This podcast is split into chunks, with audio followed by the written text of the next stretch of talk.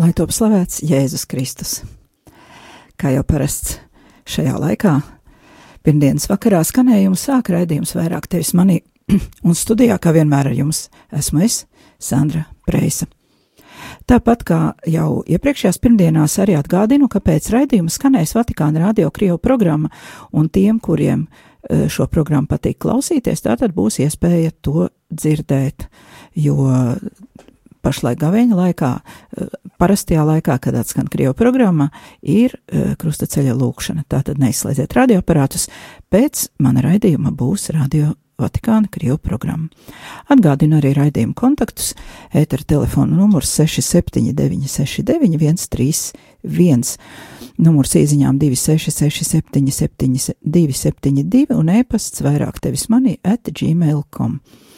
Šīs dienas tēma īsumā uh, apskatīsim tādu vārdu salikumu sevis vainošana. Kas tas ir? Vai tas ir ceļš uz pazemību vai uz neirozi? Kā to var definēt vai atšķirt? Un vai šāds ceļš der visiem? Paskatīsimies dažādus skatu punktus, dažādas izpratnes, dažādas formulējumus un arī dzīves piemērus. Bet tagad lūksimies Dieva tēva un dēla un svētā gara vārdā Āmen. Tēvs mūsu, kas esi debesīs, svētīts lai top tavs vārds, lai atnāk tava valstība, tavs prāts, lai notiek kā debesīs, tā arī virs zemes. Mūsu dienascho maizi dod mums šodien, un piedod mums mūsu parādus, kā arī mēs piedodam saviem parādniekiem. Un neieved mūsu kārdināšanā, bet atpestī mūs no ļaunā. Un tagad kopā ar Dominikāņu brāļiem no Amerikas savā sirdīs padziedāsim līdzi lūkšanu svētiem Dominikam un novēlēsim raidījumu viņa aizbildniecībai. In plene patate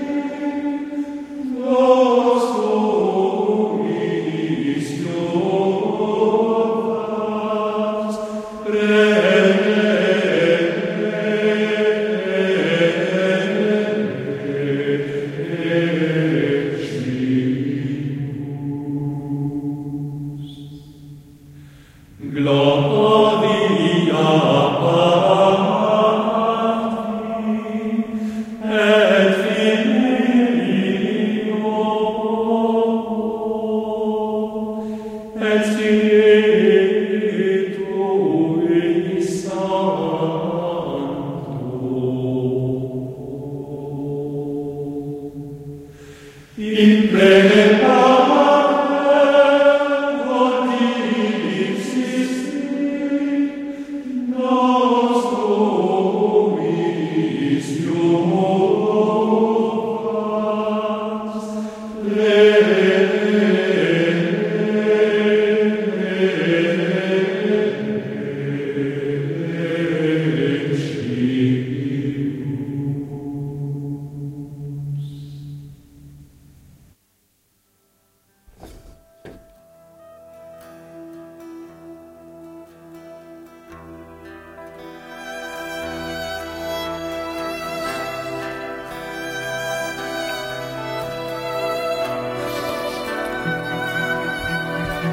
klausītāji, kā jau pieteicu, tā tad šīs dienas tēma, eh, jā, tā izskanēs mazliet provokatīvi, jo paši vārdi sevis vainošana tieši tā arī skan. Vēlreiz uzsveru un atgādinu, ka es savos raidījumos nepaužu savu personīgo viedokli tādā nozīmē, it kā es būtu atradusi kaut kādu vienīgo patiesību. Kā savu raidījumu galveno uzdevumu vai mērķi es esmu izvirzījusi būt par katalizatoru, rosināt domāšanu. Atgādināšu, ka ķīmijā katalizators ir viela, kura liek notikt reakcijai starp diviem citiem elementiem, bet pats katalizators tieši šajā reakcijā nepiedalās, tikai rada apstākļus, lai reakcija notiktu. Tātad manu raidījumu uzdevums ir iekustināt klausītāju domāšanu par pasniegtajām tēmām un nevis uzspiest gatavu viedokli vai kaut kādu pašatklātu patiesību. Vienīgā patiesība ir trīsvienīgais Dievs un viņa bezgalīgā mīlestība uz savu radību. Tomēr reālā dzīve liecina, ka cilvēki visu mūžu pavada mēģinot šo patiesību saprast un iedzīvināt savā ikdienā, un, kā zināms, ar dažādiem panākumiem. Ļoti bieži ir tā, ka cilvēks ir guvis kaut kādu iekšējo pieredzi, bet dažādu iemeslu dēļ nav spējīgs to formulēt vārdos. Mēs domājam ar vārdu palīdzību, un ja nespējam kaut ko formulēt, tad arī nevaram ar to rīkoties, to pielietot. Arī man pašai kādreiz tā bija, jo ir lietas, kuras nevar pateikt, lietojot parastu sarunu valodu. Man palīdzēja garīgās literatūras lasīšana. Es atradu vārdus, ar kuriem varēju izteikt savu garīgās dzīves pieredzi vispirmām kārtām pati sev, nepadarot teikto primitīvu, muļķīgu vai bērnišķīgu. Filozofs Ludvigs Wittgensteins, kurš nodarbojās ar valodas pasaules vārdu un domas pētījumiem, ir teicis, ka cilvēka pasaules robeža ir tur, kur beidzas viņa domu un valodas robežas. Tātad, paplašinot savu domu un valodas iespēju robežas, mēs paplašinām savu pasauli. Un šovakar tātad atkal kārtējais mēģinājums padarīt savu pasauli mazliet plašāku.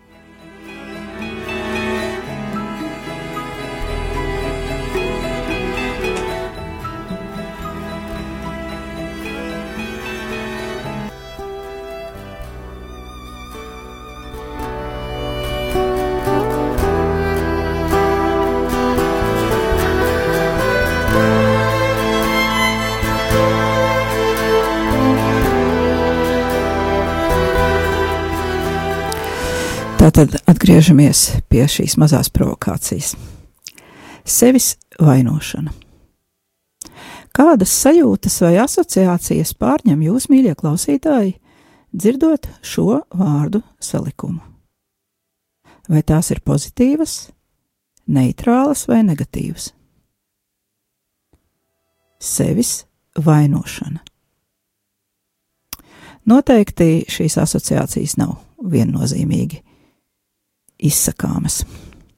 Bet mēs šovakar sāksim ar pozitīvo aspektu. Atgādināšu, ka pavisam nesen ir iznākusi pāvesta Franciska grāmatiņa Pazemības ceļš, kurā viņš apskata morāles problēmas mūsdienu sabiedrībā. Šajā grāmatiņā ir divas esejas. Pirmā korupcija un grēks, kuras, mums latvieši, kuras nosaukumu mums latviešiem ir viegli pārprast, jo korupciju saprotam tikai kā kukuļošanu un cilvēku uzpirkšanu, bet spāņu valodā šim vārdam ir plašāka nozīme. Tas nozīmē arī trūdēšanu vai samaitātību gan tiešā fiziskā nozīmē, gan arī pārnestā nozīmē. Garīgajā dzīvē īsumā to varētu raksturot kā stāvokli, ka esam pieraduši paši pie saviem un citu grēkiem tā, ka mūs vairs nemoka sirdsapziņas pārmetumu par saviem grēkiem, bet citu cilvēku grēkus un noziegumus mēs uztveram kā kaut ko pašsaprotamu, aizbildinoties, ka nu tādos laikos jau nu mēs dzīvojam. Ko lai dara?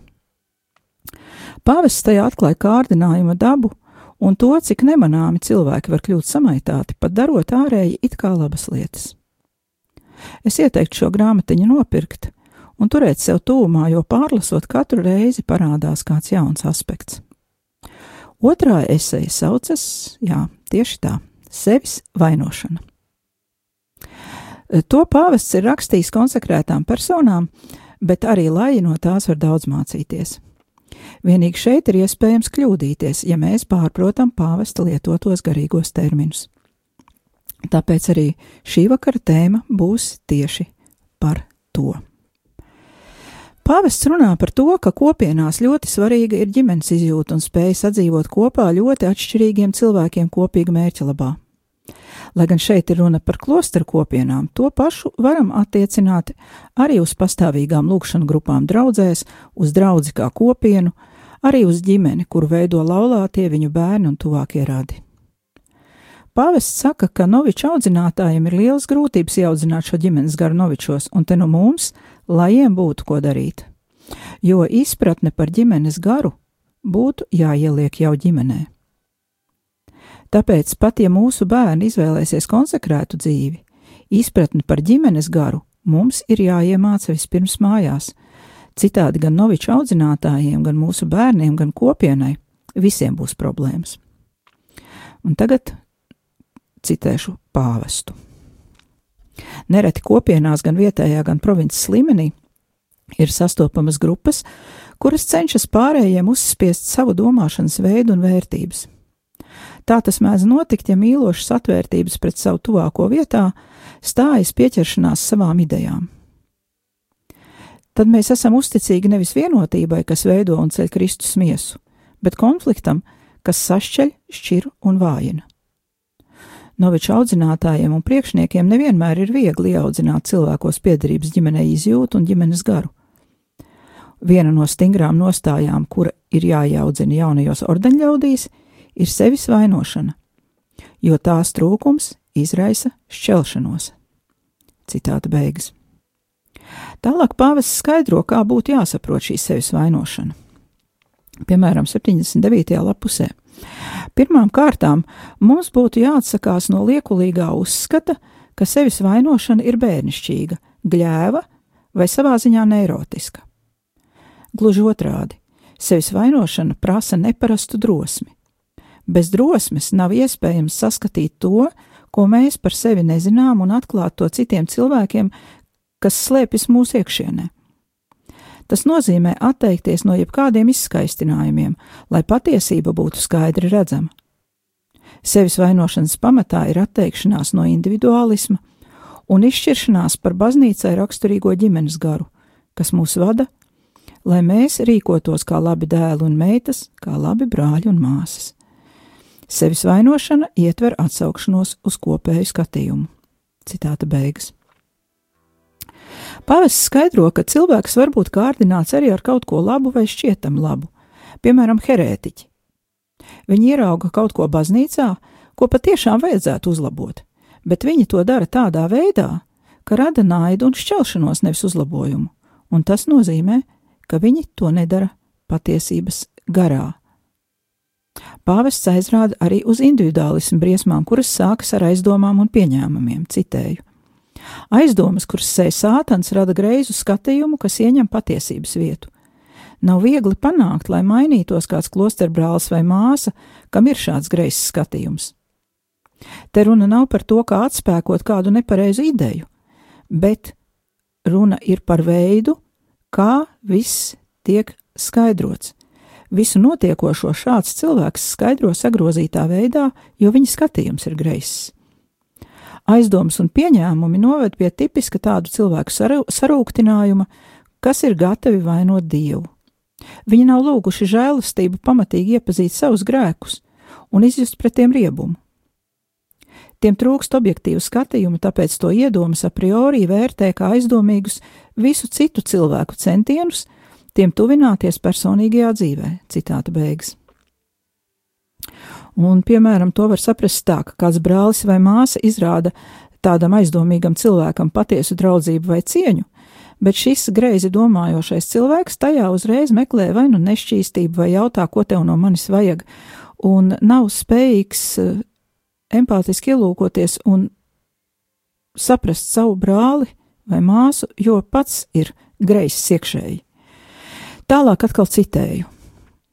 Pavests saka, Svētais Antonijs Tuksnešs tēvs ir teicis, ka cilvēka galvenais uzdevums ir uzņemties atbildību par visu, ko viņš dieva ieskatā ir darījis nepareizi, un būt gatavam, ka viņš tiks kārdināts līdz pēdējam elpas vilcienam. Sevi vainot, saka pāvests, nozīmē pieņemt vainīga cilvēka lomu, kā to pieņēma mūsu kungs, uzņemdamies mūsu vainu nastu. Cilvēks jūtas vainīgs, pelnījis sodu. Svētais Ignācijas no Loyolas mācī, mācīs, ka, lai persona, kura piedzīvo kādu iepriecinājumu, sevi pazemo un pazemina. Kāpēc? Lai cilvēks, piedzīvojot iepriecinājumus, nesāktu uzskatīt, ka viņam ir kaut kādi nopelni, kuru viņam patiesībā nemaz nav. Sevi vainojot, cilvēka sirds pazemojas, un tieši šī iekšējā zemošanās panāk to, ka visi citi savstarpējās sapratnes līdzekļi ir iedarbīgi. Citāta beigas. Šī ir skarba mācība, un droši vien pirmajā brīdī liekas, ka mums tas nav pa spēkam. Taču, lasot šo grāmatu, tāpat kā jebkuru citu garīgu tekstu, nevajadzētu censties visu pieņemt un saprast ar pirmo lasīšanas reizi. Garīgā dzīve ir process visa mūža garumā, un noteikti jau no pieredzes zinām paši, ka garīgie teksti atklājas pamazām. Pirmkārt, vienmēr ir jāsaprot, kam tieši garīgais teksts ir rakstīts. Šajā gadījumā tas ir rakstīts konsekrētām personām, kuru profesija uzliek par pienākumu kopt savu garīgo dzīvi un radikāli piedalīties Kristus dzīvē. Arī mēs visi esam tam aicināti, taču mūsu dzīves stāvoklis ir atšķirīgs, un atšķirīgs ir arī iespējas. Otrakārt, to ir rakstījis cilvēks ar nopietnu jezītu formāciju, kuram daudzas lietas jau liekas pašas par sevi saprotamas, kamēr lajiem tas var nebūt pašsaprotami. Treškārt, lajiem bez garīgā pavadītāja ir jābūt ārkārtīgi uzmanīgiem, jo jebkurš pārpratums var mūs ievest purvā un nevis garīgajā pilnībā. Ir ļoti daudz jālūdzas, lai saprastu dieva gribu un iegūtu izšķiršanas spēju. Ceturtkārt, kā jau iepriekšējos raidījumos esam runājuši, garīgajā dzīvē eh, visi vingrinājumi un arī visa tikumu kopšana, eh, tas viss ir savstarpēji saistīts. Mēs nevaram eh, izvēlēties tagad tikai nodarboties ar sevis vainošanu un aizmirst par mīlestību, aizmirst par žēlsirdību, aizmirst par dažādiem citiem tikumiem un arī par citiem garīgiem vingrinājumiem, kā piemēram žēlsirdības darbi. Tā tad viss ir jāskatās kontekstā un nedrīkstam nodarboties tikai ar vienu vingrinājumu, un tad var sekot kļūdas. Un attiecībā uz vainas meklēšanu sevī kļūdu ir daudz. Šodien apskatīsim dažas. Pirm, pirmā kļūda - savu vainu un atbildību nemeklēt nemaz.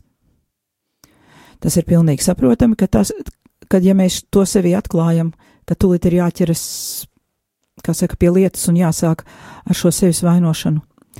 Tad otrais - meklēt visā savu vainu un padarīt sevi par grēkāzi, kuru visapkārtēji izmanto, lai pašiem nebūtu jāuzņemas atbildība.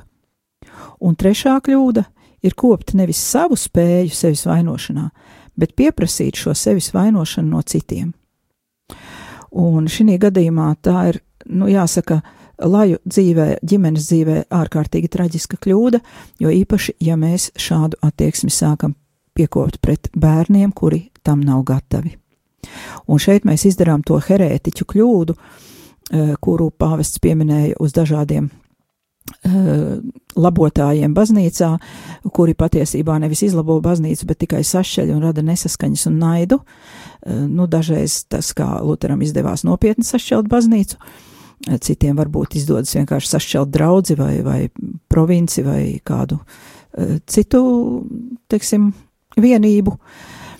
Tātad mēs varam izdarīt milzīgu ļaunumu arī savā ģimenē, ja mēs, kā pāvests teica, darām to nepareizā veidā. Tātad runa nav par to, eh, kā atspēkot nepareizu ideju, vai kā mēs mācam kaut ko nepareizu, bet veids, kā tas tiek darīts. Un tagad es atļaušos nolasīt vēl vienu citātu. Tas ir no grāmatas, tulkots no grāmatas, kuras saucas Humans of New York. Um, tajā grāmatā ir apkopotas intervijas uz ielas no nejaušiem cilvēkiem, uh, kuri ir gatavi par sevi pastāstīt. Un lūk, kāds skarbs stāstīns.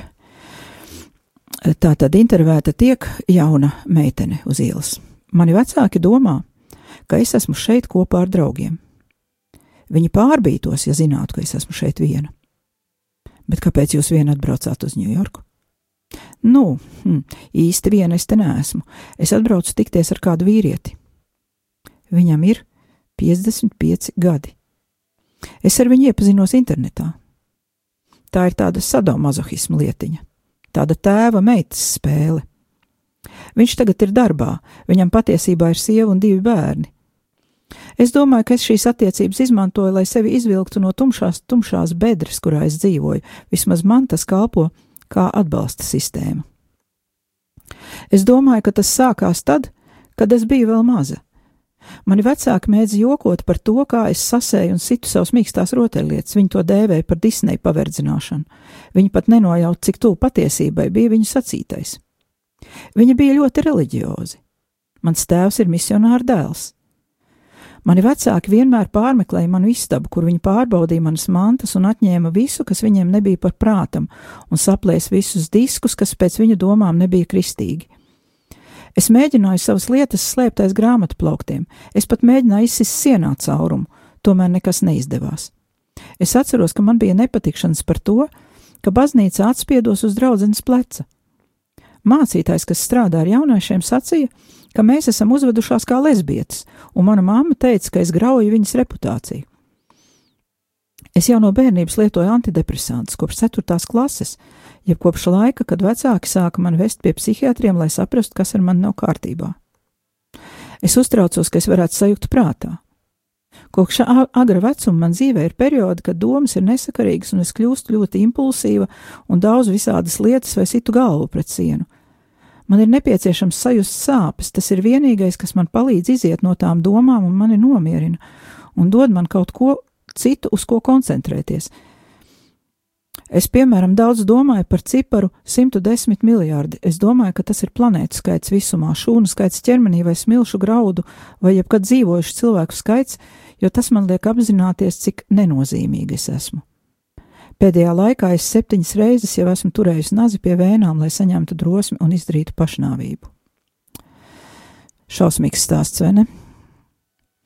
Un kā var saprast, tas sākums ir sācies bērnībā caur to, ka vecāki labu gribēdami, kristīgi vecāki labu gribēdami, ir nepareizā veidā izturējušies pret savu bērnu. Protams, ka šādi gadījumi kā tikko dzirdētais, nav pārāk bieži, jo tas ir atkarīgs, protams, arī no bērna temperamenta, no bērna psihes noturības un tam līdzīgām lietām. Bet ir viena lieta. Mēs nedrīkstam prasīt no cilvēkiem to, kam viņi nav gatavi. Mēs nedrīkstam prasīt no saviem maziem bērniem garīgās dzīves pilnību, uz kuru ir spējīgi tikai klosterļaudis. Tātad Ar to šodien es raidījumu beigšu, jo jau ir klāt laiks, lai mēs paspētu noklausīties arī Vatikāna radio Krievu programmu, bet nākamajā raidījumā mēs turpināsim šo tēmu, jo tik tiešām eh, šī sevis vainošana ir tāda ārkārtīgi laba un vienlaicīgi riskanta lieta, ja mēs to pielietojam nepareizi vai prasām no citiem un nevis no sevis. Paldies, ka klausījāties! Raidījums vairāk tevis manī izskan. Ar jums kopā biju es, Sandra Preisa.